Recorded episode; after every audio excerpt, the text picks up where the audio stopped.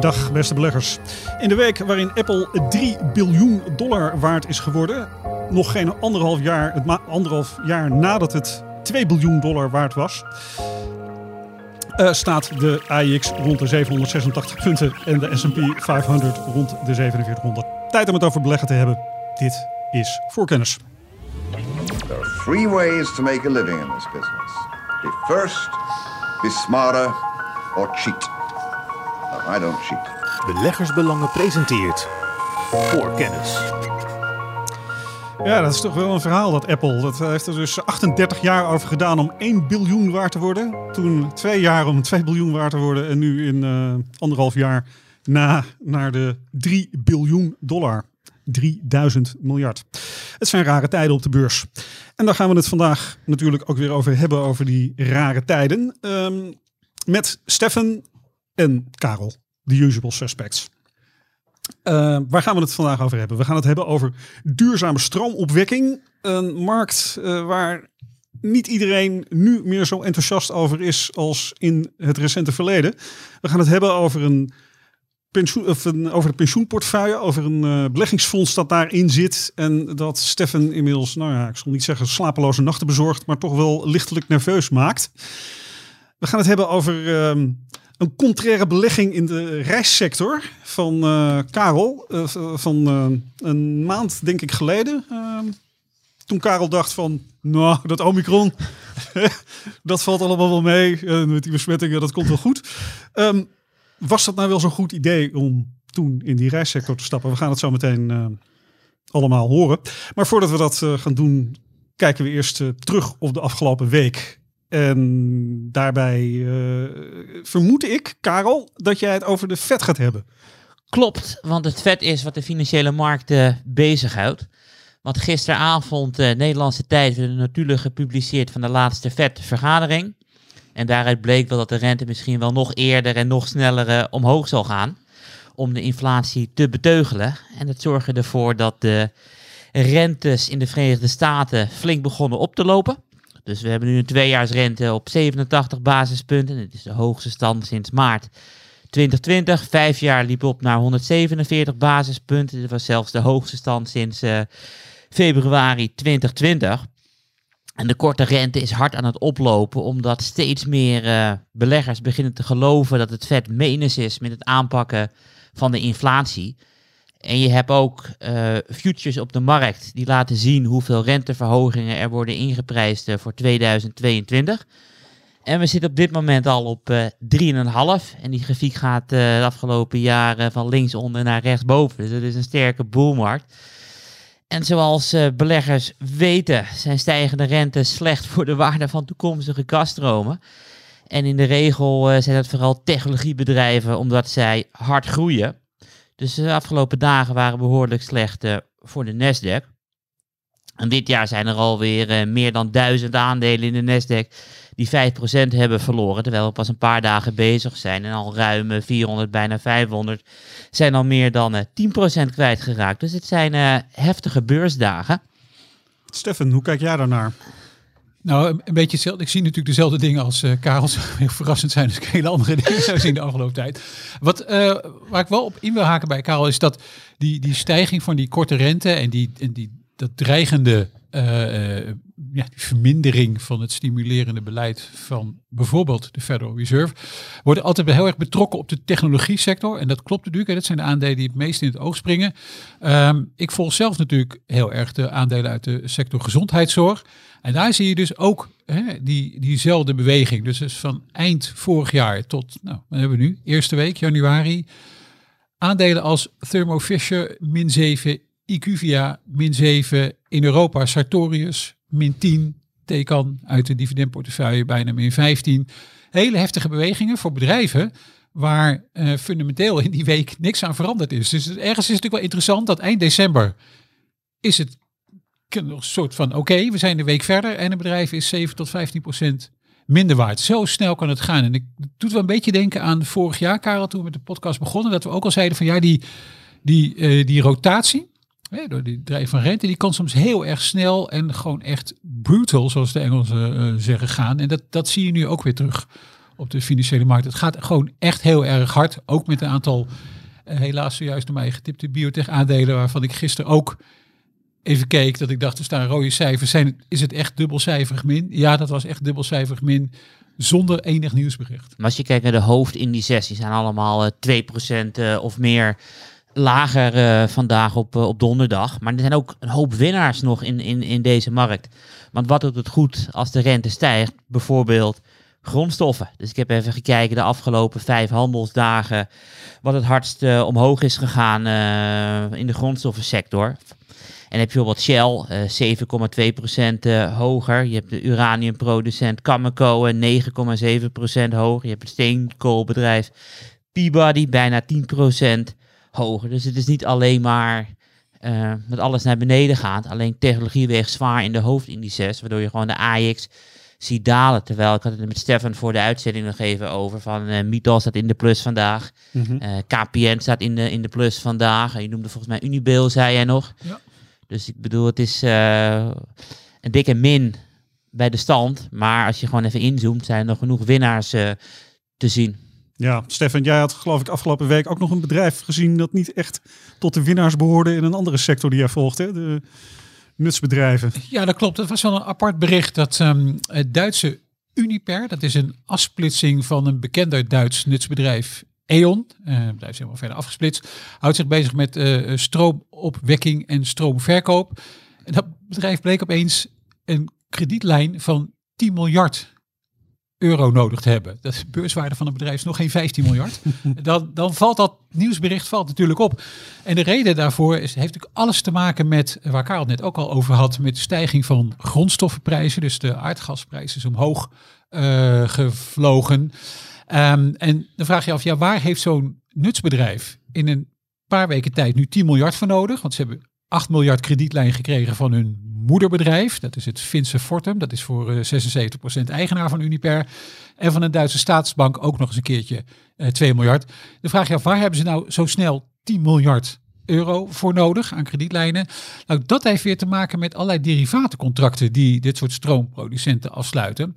Eh, dus dat doen ze om bijvoorbeeld al een prijs vast te leggen, zodat je niet minder krijgt dan die prijs. Maar als de prijs dan tegengaat, ja, dan krijg je grote margeverplichtingen Ja. op die derivatencontracten. En dat, dat heeft Uniper ook netjes gemeld.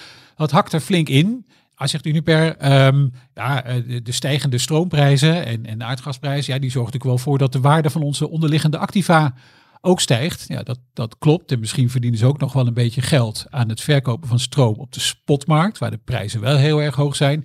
Maar neem niet weg dat het natuurlijk wel een opvallend bericht is. Ook opvallend was overigens de reactie van beleggers. Die viel nog best wel mee. Eh aandeel was op die mededeling maar een procent of 2,5 eh lager. Dus of iedereen denkt, nou dat zal wel loslopen eh, met die margeverplichtingen. Of er komt misschien later nog een klap. Maar het is in ieder geval een heel opvallend bericht. En je ziet wat die stijging, die, ja, die bijna absurde stijging eh, van die grondstoffen, dus in dit geval aardgas, wat dat doet met allerlei verschillende bedrijven, zelfs met bedrijven die er middenin zitten. Want dat Uniper, ja, dat is wel een beetje ironisch. eh zit natuurlijk in stroomopwekking en stroomverkoop, maar ze zitten ook heel erg in de handel in aardgascontracten. Dus je zou denken, het is een partij die er wel inzicht in heeft, blijkt toch nog heel erg lastig zijn. Over eh, ehm, absurde, rare bewegingen op de, de beurs. Daar heeft eh, Karel eh, afgelopen week een eh, mooie column geschreven in het blad. Klopt. Karel, licht dat eens even toe. Ja, ik heb gekeken naar rendementen van de afgelopen drie jaar. En eigenlijk helemaal terug naar de jaren 30. En een beetje gekeken van wat zijn de pieken. En we hebben zo'n piek weer te pakken. Want de afgelopen drie jaar was met de S&P 500 eh 115% rendement te behalen. Dus wat dat betreft eh, zijn het echt gouden tijden op de beurs. En heb ik een beetje uitgediept en vergeleken met andere perioden. Want we hebben ook al een keertje eh, dit zo'n rendement gehaald, bijvoorbeeld 116% Maar ja, dat was gemeten vanaf eh, 9 maart eh, 2009, nadat in twee jaar tijd de S&P 500 met 56% naar beneden ging. Dus ja, dat je dan een keertje vanaf zo'n eh, ultiem donker moment een keertje eh, verdubbeld in drie jaar, oké. Maar ja, deze 115% begon vanaf eh, de langste boelmarkt ooit. Dus wat dat betreft gaat het heel erg goed. Stefan, jouw eh, activiteiten van eh, de afgelopen week sluiten wel een beetje op dit verhaal aan, geloof ik. Ja, dit is een typisch een geval van oorzaak en gevolg, denk ik. Dus ehm, wat Karel net beschreef, dus die hele sterke stijging van de Amerikaanse beurs, sterker ook dan eh, vele andere markten, heeft ertoe geleid dat ehm, de weging van de Verenigde Staten in een wereldindex ook echt heel erg is toegenomen en op historisch hoge niveaus ligt. Dat is op zich wel apart. Dus als je een bijvoorbeeld een ETF koopt, je denkt nou ik ga gespreid beleggen, ik koop een ETF die volgt de MSCI World Index, nou dat is prima, Eh, dan ben je dus nu voor meer dan 69% belegd in de Verenigde Staten. Misschien niet dat niet iedereen zich daar bewust van is. Eh, niet alleen ben je zo zwaar belegd in de Verenigde Staten, maar het is ook nog eens een keertje zo dat een relatief kleine groep van die Amerikaanse aandelen drijft die Amerikaanse markt voort. Dus dat heb ik een, eh, een concentratierisico in het kwadraat genoemd in eh, mijn beurs- en economie column van deze week. Het is denk ik iets waar je als, ehm, als passieve belegger toch wel rekening mee moet houden. Dus er zijn ook veranderingen in de eh, index waar jij als ETF-belegger eh, in belegt. En eh, ik, ik haalde ook een rapport aan van beleggingsconsultant Mercer. En die schreven in 2017 al, oh, de weging van Amerikaanse aandelen ligt op het hoogste niveau in 40 jaar in de MSCI World Index. En toen was het nog 60%. En daarna zijn we gewoon vrolijk doorgestegen in de richting van de 70%. Iets om rekening mee te houden. Voorkennis. Daarmee komen we bij de hoofdonderwerpen van deze week. We beginnen met eh, duurzame stroomopwekking. Ehm, denk daarbij aan zonnepanelen, aan windmolens vooral. En dat is een eh, onderwerp waar zowel eh, Stefan als Karel zich de laatste tijd eh, in hebben verdiept. Karel, wat zijn jouw bevindingen? Klopt, ik heb heel lange tijd heb ik duurzaamheid genegeerd. Omdat ik fossiele brandstoffen interessanter vond en het was gewoon allemaal veel te duur. Maar ja, we hebben natuurlijk in 2021 gezien dat de waarderingen in die sector flink naar beneden zijn gekomen. Dus in september eh, schreef ik een analyse over een aandeel Canadian Solar. Een van de grootste zonnepanelenproducenten op de wereld. Ze produceren niet alleen zonnepanelen die dan bij particulieren op het dak kunnen, maar ook van die hele grote zonneweiden. Denk aan eh 10 of 20 voetbalvelden naast elkaar eh, met alleen maar zonnepanelen als een soort energie, stroomopwekkings. eh, ja, hoe noem je dat? In ieder geval, de koers was toen eh 36, 37 rond die tijd. Maar ja, we zijn sinds september zijn we nog veel verder eh, achteruit gekarreld. Ik bedoel, toen ik gisteren eh, keek was het 31 en volgens mij, eh, als ik het net goed zag op mijn telefoon, zijn we ook onder de 30 gezakt. Dus het gaat nog steeds eh, dieper en dieper. Vanaf welke top? Nou ja, uiteindelijk eh, was de all-time high 76, 39. En wanneer was dat? Dat was in januari. Dat was echt op het hoogtepunt. We hadden natuurlijk echt fantastische maanden gehad. eh, oktober, november, december en januari. Dat sommige aandelen echt een, eh, een paar keer over de kop zijn gegaan. En beleggers kochten toen eh, duurzaamheid met als reden. Maakt niet uit wat de waardering is. Ik wil het gewoon per se hebben. Dat was geen verstandig besluit. Dus toen vond ik het niet interessant. Alleen het is heel lastig om te bepalen van wanneer is het wel interessant. Dus we staan nu min 20. Weet je, de eerste vraag die ik altijd aan mezelf stel van... eh, ligt het aan Canadian Solar? Of ligt het aan de sector? Of ligt het aan de Fed? Of aan iets anders? Dus ik heb even gekeken naar de TEN ETF. Het is een ETF met allemaal zonne-energie gerelateerde aandelen. En die twee aandelen als Canadian Solar en die TEN ETF... die vallen bijna over elkaar heen. Dus het is duidelijk een, eh, een sector ding. Maar dan alleen voor zonne-energie, Stefan? Of ook windenergie? Eh, nee, ook windenergie eigenlijk gebeurt daar ehm, eh, min of meer hetzelfde. Je zou bijna kunnen zeggen, hoewel het voor windenergie misschien wel een hele flauwe opmerking is, maar dat er sprake is geweest van een perfect storm. Ik heb af en toe zulke van die slechte, dat ik denk, ik moet eigenlijk niet zeggen, maar nu heb ik het toch weer gedaan. Ehm, een perfect storm dus. Eh, want we begonnen 2021, wat Karel net ook al noemde, eh, die aandelen ongelooflijk populair aan het begin van vorig jaar. Dus ja, wat betekent ongelooflijk populair? Dat betekent dat heel veel beleggers erin rennen en dat drijft die waardering van die aandelen heel erg omhoog. Eh, ik kijk daarvoor zelf altijd naar het Deense Ørsted. Dat is toch ook vaak een beetje de eh, eh, lieveling van veel duurzame beleggers. Als je een groot aandeel wil hebben, groot echt duurzaam aandeel, Ja, dan is uh, iets waar je, nou ja, daar kan je altijd terecht. Het is een bedrijf met fantastische ESG-credentials, zoals dat dan heet. Maar die noteerde begin vorig jaar tegen een koers-winstverhouding van 48. Ja, dat laat verdraaid weinig ruimte voor uh, fouten. Gezegd. En dat hebben we dan ook het afgelopen jaar gezien. Want wat gebeurt er in zo'n perfect storm? Dus eh, van alles en nog wat gaat er dan tegelijk mis. Ik, had me dat daarvoor nooit zo gerealiseerd. Maar um, de, de gemiddelde windsnelheid varieert dus van jaar tot jaar. We blijken afgelopen jaar in dat opzicht gewoon een heel slecht jaar te hebben gehad. En je ziet meerdere windenergieproducenten, uh, zie je dat noemen. Even een heel snel een feitje. Van, in, in, Duitsland houdt bij wat de windenergie op dagbasis is. En ze hebben, het gaat geloof ik in kilo, of giga kilowattuur, echt belachelijk hoge getallen. Maar ze hebben dagen gehad van 84 en van 0,4. Dus dan heb je dus gewoon een dag, als je even snel gaat rekenen, dat tientallen keren meer. Ja, en, en dat is dus... Heel fluctueel. Dat is opmerkelijk. En uh, nou ja, dan ga ik natuurlijk weer de, uh, de, uh, de earnings call, hè, dus de presentatie van de winstcijfers voor analisten is nalezen. Zie je ook dat er vragen gesteld worden. Analisten die al een beetje nerveus beginnen worden. Die zeiden ja, vroegen aan de CEO van Ørsted en de CFO van zien jullie dit als iets structureels? Is er iets, is er, zijn er klimaatveranderingen die gevolgen hebben voor windsnelheden? Nou, dat, dat daar merkte Ørsted niks van. Die, die sprak over onderzoeken die dat verder ook uh, niet konden bevestigen. Dus misschien was het alleen 2021. Dat gaan we uh, dit jaar zien. Maar zo waren er dus nog meer dingen. De rente, de lange rente, die liep een klein beetje op. Of er was de dreiging ervan. Nou, dat is nooit heel erg gunstig voor uh, bedrijven die werken met veel vreemd vermogen. En in de nutsector wordt veel gewerkt met vreemd vermogen. En dan is er voor um, de specifieke, de windstroompopwekkers, ook nog iets wat niet zo heel erg gunstig is. Dat is namelijk dat er steeds meer partijen komen om, uh, als er veilingen zijn voor kavels, om nieuwe windparken te gaan starten, of het nou onshore is of offshore. Uh, ja, hoe meer concurrentie je hebt, dat betekent dat de financiële voorwaarden daarvoor minder gunstig worden. Dat betekent dat de rendementen eigenlijk allemaal wat gedrukt worden. Nou, ook als je dan weer uh, het verslag van Ørsted op naleest, die zeggen dan ook, nou, er zijn een aantal veilingen waar we gewoon niet eens aan mee hebben gedaan. Dus onder meer in, uh, in Frankrijk, in Duitsland en in de Verenigde Staten heeft Ørsted gezegd, ja, dit, dat waren gewoon voorwaarden. Die, die, die veilingen liepen zo op, dus daar gaan we niet, gaan we niet aan meedoen.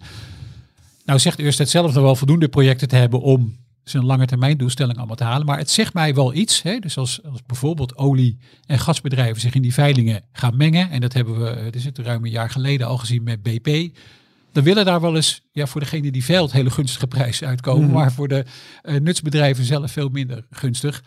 En dan is er nog als laatste ehm, ja, inflatie en stijging van eh, eh, ehm, ruwe materialen, of staal is of, eh, eh, of eh, eh, koper, alles wat je eigenlijk nodig hebt om zo'n windpark te realiseren. Daarvan, nou, ik vond dat Ørsted daar nog wel vrij kalmpjes op reageerde. Zei nou, we hebben ook al bij veel projecten of al uh, prijzen gehedged. Dus dat betekent dat we eigenlijk al, uh, nou, voor in ieder geval de projecten die we nu kunnen voorzien, dan gaat het allemaal niet zo'n verschil maken. Sommige kleinere partijen, dat zie je wel vaker, uh, is, dat, is dat een beetje anders. Dus die hebben daar wat, wat meer negatieve invloed van, van die stijging. Maar ja, om die slechte grap dan nog maar een keertje te maken. Deze Perfect Storm heeft natuurlijk wel echt heel erg ingehakt. Dus uh, stond volgens mij ergens begin vorig jaar rond de 1250. Uh, 1250 Deense kroon. Helemaal teruggegaan naar, nou volgens mij zijn we nu op uh, rond de 800. Uh, terwijl er eigenlijk in de, in de, in de hele verduurzamingsgedachte uh, is er niet zoveel veranderd. Het is nog steeds de richting die de Europese Unie bijvoorbeeld op wil. Het is nog steeds eigenlijk wat er in Amerika uh, door de regering Biden wordt voorgestaan. Er zijn nog steeds veilingen. Dus het is niet dat die sector tot stilstand komt. Maar er zijn een heleboel omstandigheden het afgelopen jaar die er enorm hebben ingehakt. En ik denk dat ik het wel met Karel eens ben. Die enorme bullrun, zoals de Engelsen zeggen, zo die eind uh, 2020 een beetje doorgeduurd heeft. Nog een, uh, nou wat zal het zijn, half januari, derde week januari. Heeft tot zulke waarderingen geleid. Ja, dat, dat als je daar een correctie van krijgt, dan gaat het gewoon hartstikke hard. Als je gewoon als een basic analyse methode erop los had. Het was nog in 2020 dat Oorstad op twee, drie keer de omzet noteerde. En in januari was het ruim 11. Ja. En in hoeverre is dit dan structureel? Hoe, hoe bedoel je eh, structureel? Nou ja. Want als je kijkt naar de afgelopen jaren, Urs had het elke keer tussen de 2, 3 à 4 verhouding omzet eh, beurswaarde. Dan kachelt het eventjes naar 11 toe. En nu is het weer helemaal terug naar, naar 5. Dus dat laat zien dat de beurskoers eh, veel harder naar beneden gaat dan de omzet. Dus de waardering daalt. En vaak zijn beleggers dol enthousiast over de belegging die het afgelopen jaar het best gedendeerd heb, heeft. En niet over eh, beleggingen die het afgelopen jaar heel slecht gerendeerd hebben. Dus op het moment dat beleggers met duurzaamheid willen doen, is het een veel beter eh, moment om, om in te stappen dan eh, een jaar geleden. Nee, dat is, dat is duidelijk. Alleen het lastige is, je kan Ja. te vroeg zijn. Ik bedoel, met Canadian Solar ben ik te vroeg geweest. In hoeverre speelt trouwens, eh, wat Stefan zegt, hè, die, die grondstoffenproblematiek ook in de zonne-energie, dus de fabrikanten van zonnepanelen? dat speelt. Maar het grootste probleem was dat heel veel eh, componenten uit China komen. En Trump heeft daar invoerheffingen op eh, gegeven. En die invoerheffingen heeft Biden laten staan. En dat hakt er eh, heel hard in. Ja. Bij de omzet en winst van die bedrijven.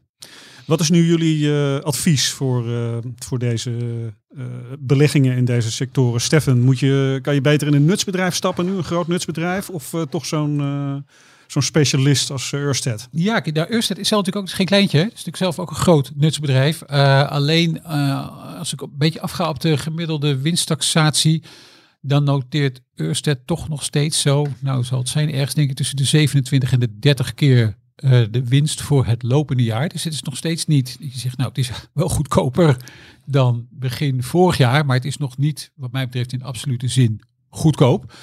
Dus ik ben zelf nog steeds een beetje huiverig met, eh, eh, met het aandeel Ørsted. Ehm, ik heb daar privé in portefeuille RWE, ook een grote speler op uh, windenergiegebied, die misschien nog als kleine bonus kan hebben een nieuwe Duitse regering die uh, versnelt en mogelijk tegen wat gunstige voorwaarden alle bruin- en steenkoolcentrales die nog in die portefeuille van uh, RWE zitten versneld gaat afbouwen. En verder zou ik zeggen, zeker na het koersverloop afgelopen jaar van Enel, iets, mindere mate Iberdrola, maar vooral Enel, zou ik daar ook mijn voorkeur hebben. Dus als ik nu zou moeten kiezen, dan zou ik eerder gaan of voor een echt volledig geïntegreerd nutsbedrijf, zoals ze dat noemen. Dus een bedrijf dat niet energie, alleen energie opwekt, verkoopt, maar ook nog eens een keertje transporteert. Dat is wat Enel doet. Nou, dat lijkt me eigenlijk een, een, betere keuze. Of voor een bedrijf dat zich aan het omvormen is uh, tot een steeds meer duurzame speler zoals RWE. En die zou ik eigenlijk allebei liever hebben nu dan Ørsted. Ik raad wel uh, Canadian Solar aan. Heeft nog steeds een koopadvies uh, bij ons beleggersbelangen. Reden is daarvoor, ze groeien echt heel hard. 18 maart komen ze met jaarcijfers. En de gemiddelde analistenverwachting is dat de omzet is gegroeid uh, met 35% van 3,5 miljard naar 4,7 miljard dollar over de afgelopen uh, vier kwartalen. Dus ze groeien lekker door. De kweel is, is 20 en dat is voor een harde groeier niet duur en ook beurswaarde. Omzet is afgelopen jaar ook gedaald van 1 naar 0,4. Dus ik uh, verander niks aan mijn koopadvies. Kunnen we nou in de toekomst uh, nog meer van dit, soort, uh, van dit soort spikes verwachten, denken jullie? Dat het echt, uh, nou ja, die, die duurzame energie weer zo gigantisch hard omhoog gaat? Ja, ik bedoel, we hebben het 400 jaar data en soms denk je van het kan niet zo gek worden. Maar als je dan kijkt in het jaar 2000, in 2007, wat we met meme stocks aan het doen zijn, met specs, met, met duurzaamheid. Op het moment dat het weer hip wordt, dan kijken beleggers niet naar de waardering. Die denken het is uh, afgelopen drie maanden hard omhoog gegaan. Het klimaat verandert. Het is nu echt alle zoden aan de dijk. We stappen er gewoon in. Ja, echt dat ik hoop dat, dat er toch nog wel een beetje uh, lerend vermogen is bij beleggers. en dat er in ieder geval dat, dat er uh, misschien niet heel veel mis is met het recente geheugen van beleggers. Als ik naar de windenergieactiviteiten kijk, dan valt me wel op dat er eigenlijk wat meer, eh, steeds meer eh, wat kritische geluiden komen. Eh, niet in de zin van dat moeten we niet doen, maar wel dat er wat meer aandacht is nu voor veilingprijzen en ook voor rendement. Dus ik zie ook wel wat meer vragen komen. Ik zie ook wat meer informatie komen van ehm, die nutsbedrijven zelf over ja, hoe, wat ze nou precies verwachten. Dus het is altijd van wat is het rendement wat is je verwachte rendement op zo'n windparkproject? Wat zijn je verwachte kapitaalkosten? En dat daar wel, daar wel serieus op gestuurd wordt. Dat zie ik bij Enel al gebeuren. Ook Ørsted doet dat. Die houdt er ook aan vast. Het is niet voor niks dat die bij bepaalde veilingen dan eh, niet meer meedoen. Want die Mhm. weten dan dat die doelstellingen in gevaar gaan komen. En op het moment dat je dat nog een keertje moet gaan communiceren aan beleggers. Als Ørsted zegt, nou we hebben een, een marge van anderhalf tot drie procentpunt tussen het rendement van een project de kapitaalkosten die nodig zijn om dat rendement te realiseren of dat eh, project te realiseren. Ja, als, als daaraan gesleuteld moet gaan worden in negatieve zin, dan heb je als bedrijf wel een probleem. Dan, ga je, dan word je alsnog van dit niveau, denk ik, fors hard afgestraft. Dus ik, ik hoop eh, dat er op een gegeven moment wat meer discipline komt. Ehm, ik vrees alleen wel een beetje, het is ook heel veel kapitaal, ook van olie- en gasbedrijven, die, die ook, ja, ik zeg het een beetje respectloos, maar die ook iets willen in duurzame energie. En die komen ook op die markt en die bieden ook op eh, die kavels voor eh, windenergieprojecten. dat doet het rendement in de regel niet echt goed. Dat begrijp ik. Zitten deze partijen ook in eh, zonne-energie, Karel? Durf het niet te De zeggen. olie- en gaspartijen. Ja. Ja, ja het- die doen volgens mij ook allemaal wel... Ja, eh, sommige, ik bedoel, Chevron heeft er geen zin in. eh. Nee, Chevron niet, maar Shell, eh, zowel Shell als Total Energie, zoals je het volgens mij nu moet Mhm. zeggen, eh, doen dat voor zover ik weet wel. Allebei echt. En in die zin is er wel eh, een fundamentele verandering gaande. Dat er gewoon meer partijen komen. eh, waaronder een stel heel grote jongens die die markt er wel iets anders uit laten zien. Dan het een jaar of vijf geleden was, kan ik dat nou, zo zeggen? minder zelfs eigenlijk. eh, en je ziet ze soms ook wel in een conso- consortium bieden. Dus eh, BP heeft geboden met RW1 combinaties. Er ook combinaties van, van eh, oliebedrijven en eh, de klassieke nutsbedrijven. Het is overduidelijk waar die, in ieder geval die Europese oliebedrijven, die hebben toch wel een behoefte om ook naar die eh, duurzame energieopwekkingskant te gaan. Ja, dus dat betekent dat die wel met dit soort eh, veilingen mee moeten doen of parken moeten kopen. Eh, dat is ook nog wat er gebeurt. Ehm, ja, kan er nooit meer een bubbel ontstaan? Eh, zeg nooit, eh, nooit. Ik hoop in ieder geval voor de komende tijd dat er wat meer eh, rust komt in die sector. Want nogmaals, het is wel de richting volgens mij die iedereen wel op wil. En we zijn niet gebaat bij eh, waarderingen die helemaal eh, uit het lood geslagen zijn bij eh, allerlei kapitaal dat op de markt komt, wat er eigenlijk niks te zoeken heeft. Nee, dat ben ik met jou eens. Maar ja, we hebben natuurlijk wel 2050 eh, dat dit allemaal nog gaat spelen natuurlijk. En, ik, fair point. en ik wil niet geloven dat we nog een keertje eh, niet meer irrationeel bezig gaan zijn. Nee, dat, eh, dat, dat is waar. Dat kan ik ook niet echt tegenspreken. Sorry Stefan, ik was ietsje te vroeg met eh, de overgang naar het volgende, het volgende blokje. Waarbij, waarvoor ik trouwens wel bij jou moet zijn. Want eh, er zijn ontwikkelingen binnen de pensioenportefeuille met een, eh, een fonds, het Comcast Growth Europe Fund. Dat eh, het eh, eigenlijk veel beter doet dan je zou verwachten. En dat maakt jou nu een beetje zenuwachtig, of niet? Ja, en niet, en niet alleen, dat is niet alleen zeg maar eh, deze week, maar dat was eigenlijk al vanaf april vorig jaar. Toen hebben we het er namelijk voor het eerst over gehad in deze podcast. Eh, ook al naar aanleiding van wat, wat dan een beetje een sectorrotatie wordt genoemd. In ieder geval de, de, de, de trek van beleggers naar misschien iets meer waardeaandelen en dan wat meer weg van groeiaandelen. En die eerste maanden had dat eh, fonds, komt Yes Europe Fund, eh, ook niet zo goed gepresteerd ten opzichte van zijn referentieindex, hè, of de benchmark. En dat is de MSCI Europe Index. Hij heeft dat Comgest Growth Europe Fund een aantal bijzondere kenmerken. En de belangrijkste zijn eigenlijk wel eh, twee. Ze beleggen in niet zo heel veel bedrijven, dus het zijn er nu 39. Terwijl die eh, Europe Index, de MSCI Europe Index bestaat uit ongeveer 450 eh, bedrijven. En ze sluiten bepaalde sectoren ook gewoon definitief en heel hard uit. En dat zijn de sectoren in ieder geval eh, banken en olie en gas. Daar beleggen ze helemaal niet in. En vorig jaar april zei ik al, liepen die banken al vrij hard op. En ik, ja, gaat het het fonds lukken om dit jaar ook weer veel beter te presteren dan de benchmark, als je helemaal niet in die aandelen zit? Eh, en dus maakte ik me toen al een beetje zorgen over als je je heel erg concentreert, want dat is wat deze eh, eh, mensen doen, als je heel erg concentreert op groeiaandelen en de markt draait, kun je dan nog wel goed presteren. Nou, we zijn nu het, het hele jaar verder. Het fonds is bijna eh, 2021 met ongeveer een rendement van 36% afgesloten tegen ongeveer 24% voor de MCI Europe. Dus de conclusie kan wel zijn dat ondanks alles ze het toch beter hebben gedaan dan de Europese index. En een rendement van bijna 36%, dat is natuurlijk niet verkeerd over het, eh, eh, over het afgelopen jaar. En dat terwijl de Europese bankensector eh, afgelopen jaar verreweg de best presterende sector in Europa was. Met een rendement van bijna 40%. Nou, de middel was gaan kijken, wat is er dan eigenlijk precies gebeurd? Dan moet je even kijken onder de motorkap van zo'n fonds. En gelukkig hebben wij een Bloomberg systeem. eh, dat helpt mij daar heel erg bij. Dus ik kan eigenlijk uit dat systeem halen waar die rendementen nou vandaan kwamen. Eh, en dan blijkt dat de belangrijkste bijdrage aan het rendement, zo ongeveer eh, eh, 14% eh, van het totale rendement, is afkomstig van één aandeel. is ook nog een Nederlands aandeel. En dan weet iedereen denk ik wel wat het is. ASML uiteraard. Dus die hebben eh 5 procentpunt van die 36 ongeveer bijgedragen. En zo zijn er nog een aantal van die snelle groeiers eh, die afgelopen jaar echt enorm hebben bijgedragen. Dus er zit een eh door Karel eh, getipte farmaceut nog tussen, Novo Nordisk, maar er zit ook Linde tussen. En eh, nog een aantal andere, eh Straumann in de medische technologie, eh, tandimplantaat onder andere. Eh, die bedrijven hebben wel fantastisch gedaan, maar dat zijn natuurlijk wel snelle groeiers. En we hebben het net al bij de inleiding een beetje gehad over, hey, als nou de markt weer een beetje draait van die, van die typische groeiaandelen naar meer waardeaandelen, kan dit, kan dit fonds dan die prestatie nog een keer herhalen? Nou, wat heeft ASML afgelopen jaar gedaan? Plus 50 procent, denk ik. Zoiets. Ehm, ja, dat is denk ik niet echt. Dat ligt niet echt in de lijn der verwachtingen, eh, vermoed ik. Dus, dus waar ik een beetje voor vrees, is dat het, ehm, dat het fonds, wat al zo jarenlang eh, goed presteert, die belegt nu in gewoon aandelen met hele hoge waardering. En nou hoor ik een beetje een echo, en dat zit niet in mijn koptelefoon, maar dat is de echo van afgelopen, dat is mijn eigen echo van afgelopen april.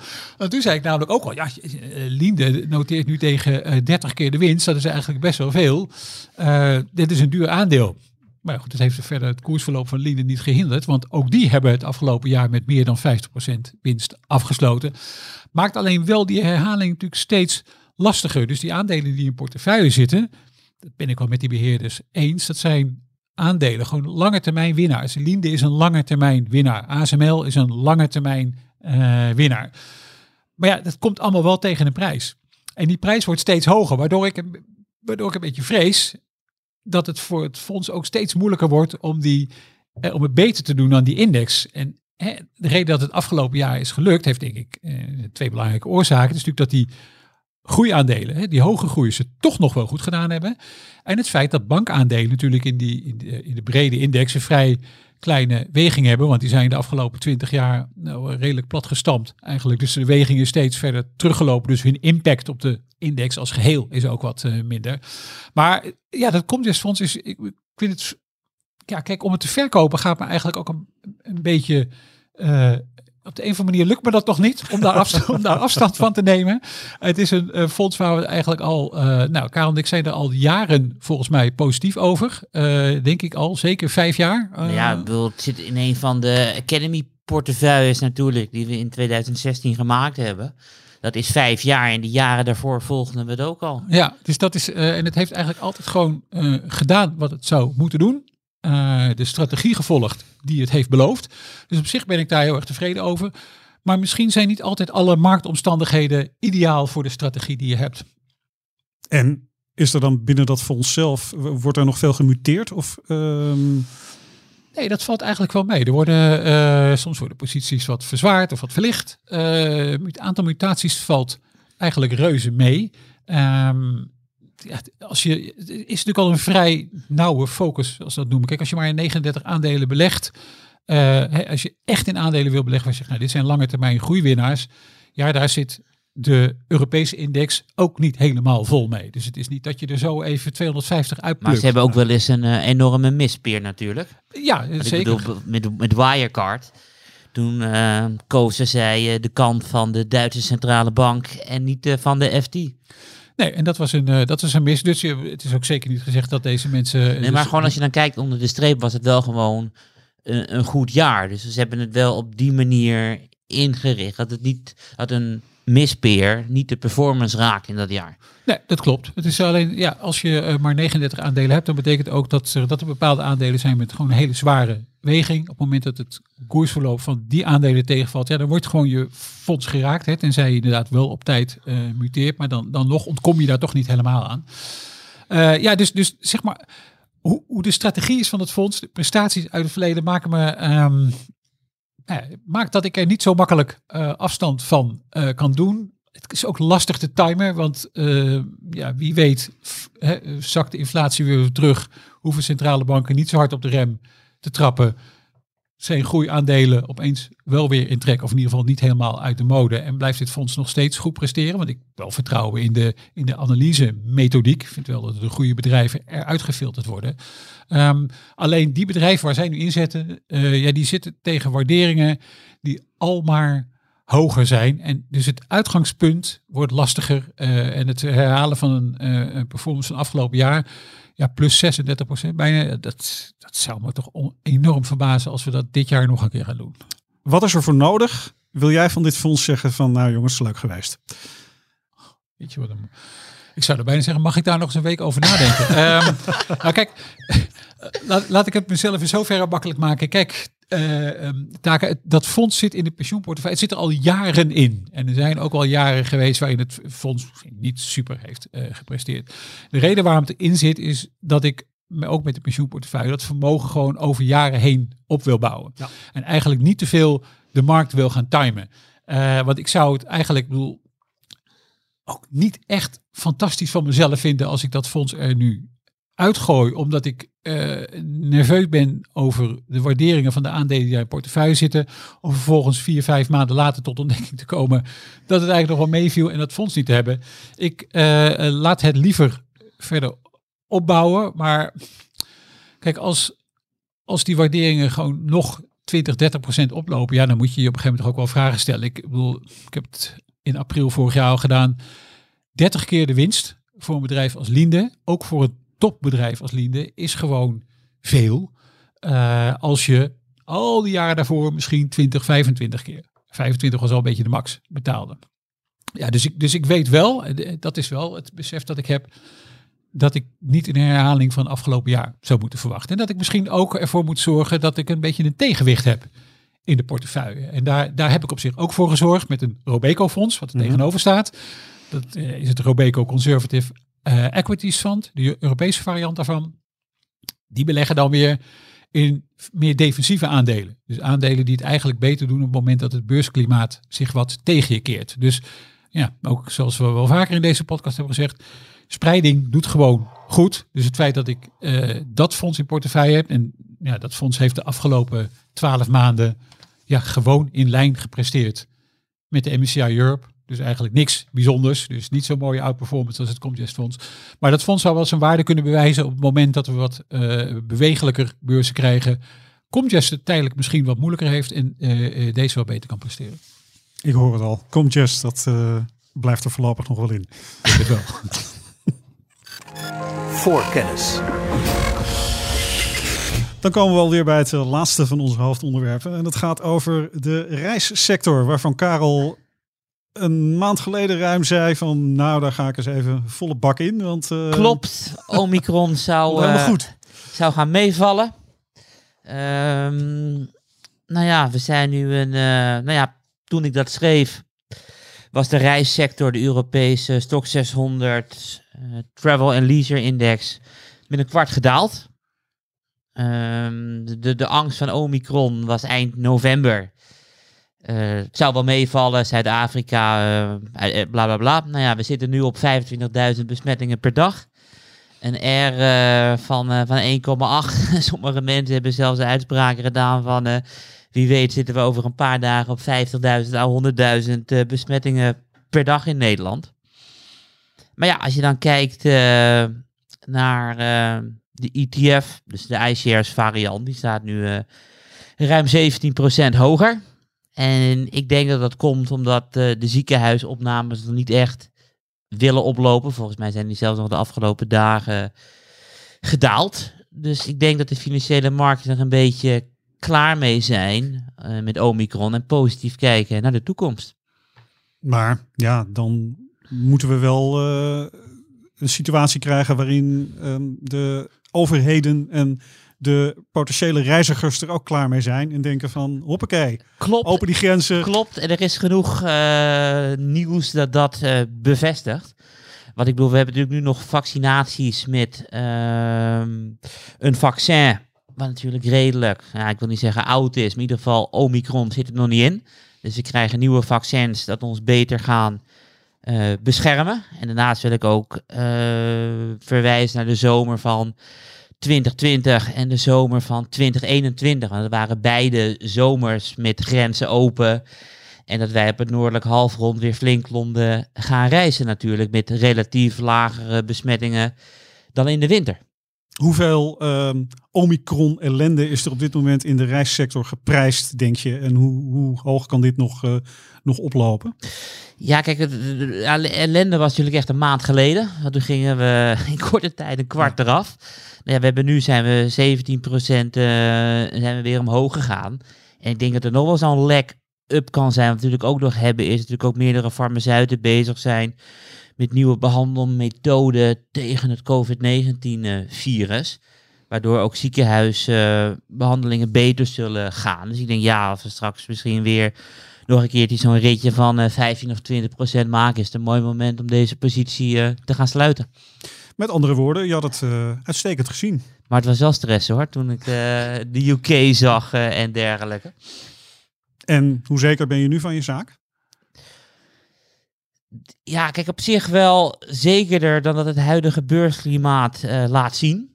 Ik bedoel, ik, ik keek even rond het middaguur. De AX eh, stond op 85. Ik geloof dat het anderhalf procent lager was aan het slot dan gisteren. En de, de index stond gewoon hoger vandaag. En de index stond ook gisteren hoger en de dag daarna hoger. Of de dag ervoor hoger.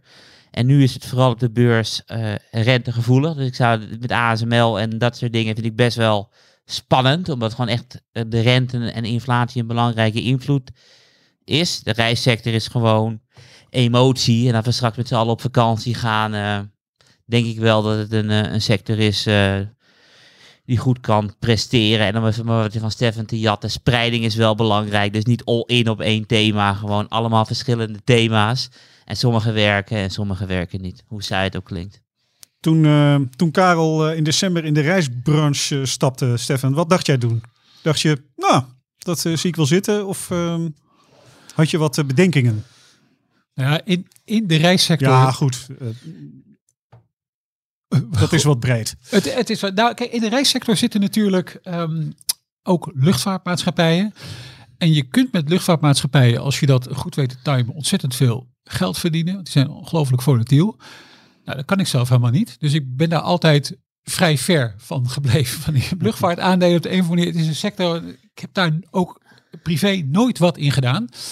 Maar ik heb al wel eh, zelf enige tijd een Franse tolweg en luchthavenexploitant en bouwconcern in bezit. Dat heet Eiffage. Ehm, waarmee ik min of meer eh, op hetzelfde thema inspeel als Kaal. Namelijk in ieder geval een, heropening of niet een verslechtering van de virussituatie. En dat eh, aandeel heb ik al, nou ik weet niet hoe lang, maar in ieder geval een flinke tijd. Dat heb ik opnieuw getipt dit jaar. En dat ga ik ook nog aanhouden zelf. omdat ik vind dat, die, dat toekomst ziet er in dat opzicht niet slecht uit. Dus toen Karel dat tipte, dacht ik niet van, wat doe je nou?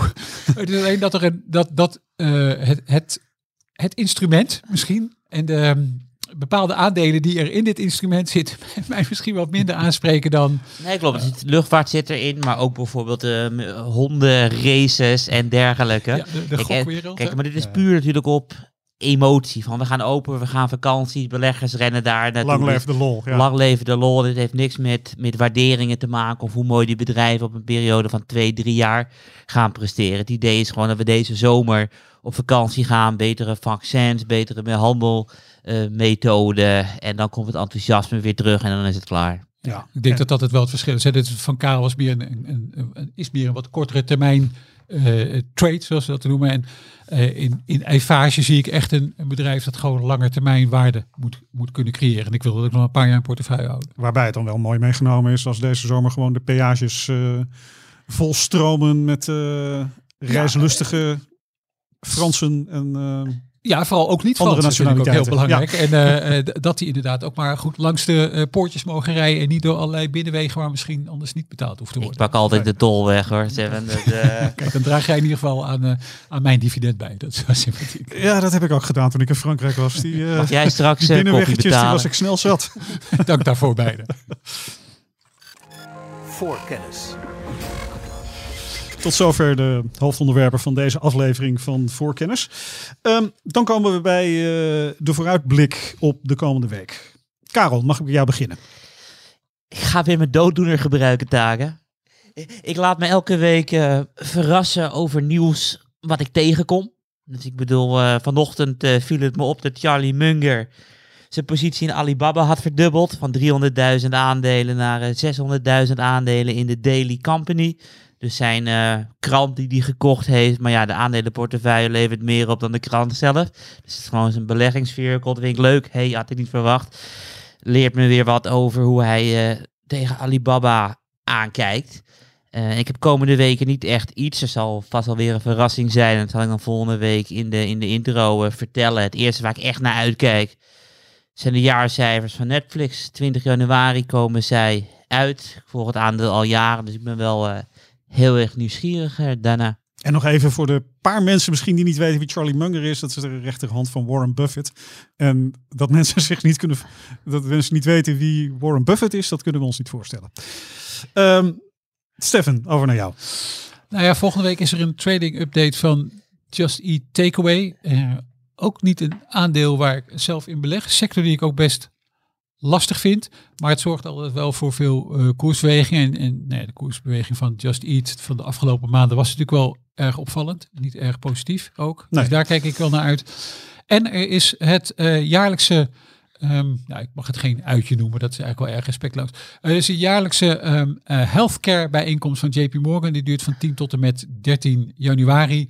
En daar komen allerlei eh, bedrijven uit de sector gezondheidszorg eh, presentaties houden. eh, ehm, virtueel dit keer, dus niet op het kantoor van JP Morgan, maar virtueel. Helaas. Helaas. Eh, en daar komen eh, eh, onder andere de eh, CEO van Medtronic eh, aan het woord. Een eh, aandeel dat wij volgen, dat in de dividendportefeuille zit. Maar ook nog allerlei andere bedrijven. En heel soms komt daar nog wel eens eh, eh, wat, wat verrassend nieuws uit. Bijvoorbeeld over of nieuwe producten, nieuwe testen, et cetera. Dus dat volg ik ieder jaar altijd. Wat is daar in het verleden aan interessants uitgekomen? Nou, er zijn een aantal eh, bi- eh, biotechbedrijven wat dan toch nog wel eens de... ehm, eh, wat, wat vertrouwen op de een of andere manier. Het is niet dat, ze, eh, dat je daar opeens iets heel, heel nieuws kan roepen, natuurlijk. Want anders moet dat al, ook aan alle andere beleggers wel. Ja. Maar er, er volgt soms zoals verduidelijking. Het is ook een beetje tussen de regels doorlezen. soms bedrijven die presentaties geven waarmee vertrouwen blijkt uit bepaalde producten, bepaalde testen, wat misschien nog bij de markt een beetje twijfels heeft. En waar hier dan heel veel duidelijkheid over geschapen wordt. En ik denk dat bijvoorbeeld de CEO van Medtronic, ja, die heeft natuurlijk wel wat eh, uit te leggen over de recente ontwikkelingen eh, bij het bedrijf. En daar zullen wij ook nog wel over gaan schrijven. Dus ik, eh, ik hoop in ieder geval dat hij daar nog een beetje over ondervraagt. Want wat is daar, bij, wat speelt er bij Medtronic? Nou, er zijn een, paar dingen. Er is een, een, een, een nieuw product eigenlijk, een, een bloeddrukremmend systeem, wat ehm, eigenlijk wat later op de markt lijkt te komen. Nee, dat moet ik eigenlijk anders zeggen, waar een test niet vroegtijdig is gestopt vanwege een enorm succes. Nou, dat roept een beetje wantrouwen op. Hè? Want waarom is hij niet gestopt eigenlijk? We hadden eigenlijk al gedacht dat, het, dat de methodiek zo goed zou zijn dat we zo kunnen stoppen. Dat is dus niet gebeurd. En Medtronic heeft gezegd, we wachten dus de volledige uitkomst af. Nou, dat viel niet zo goed bij de markt. En er is ook een, eh, eh, een, een FDA-rapport verschenen, eh inspectierapport over, als ik me niet vergis, insulinepompen van, ehm, of systemen van Medtronic. die niet helemaal volgens de Federal, of de FDA moet ik zeggen. Ik zei de Federal Reserve net, hè? de FDA bedoel ik. Dat was niet helemaal optimaal. En dat zegt ook wel iets over die gehele diabetesdivisie van Medtronic. En het aandeel is ook wel echt flink onder druk gekomen. Hoor. Die zijn wel van eh, boven de 130 te- helemaal teruggekomen tot onder de 100. Nu weer naar de 107. Dus het vertrouwen is nog niet helemaal terug in Medtronic. En jij gaat er eens goed voor zitten op deze Zeker, ik ga daar ieder jaar goed voor zitten. Healthcare Conference. Dankjewel Stefan, dankjewel Karel. Daarmee zijn we aan het einde gekomen van deze aflevering van Voorkennis. Mijn naam is Staak Lichteringen. Ik wil jullie bedanken voor het luisteren en graag tot de volgende keer.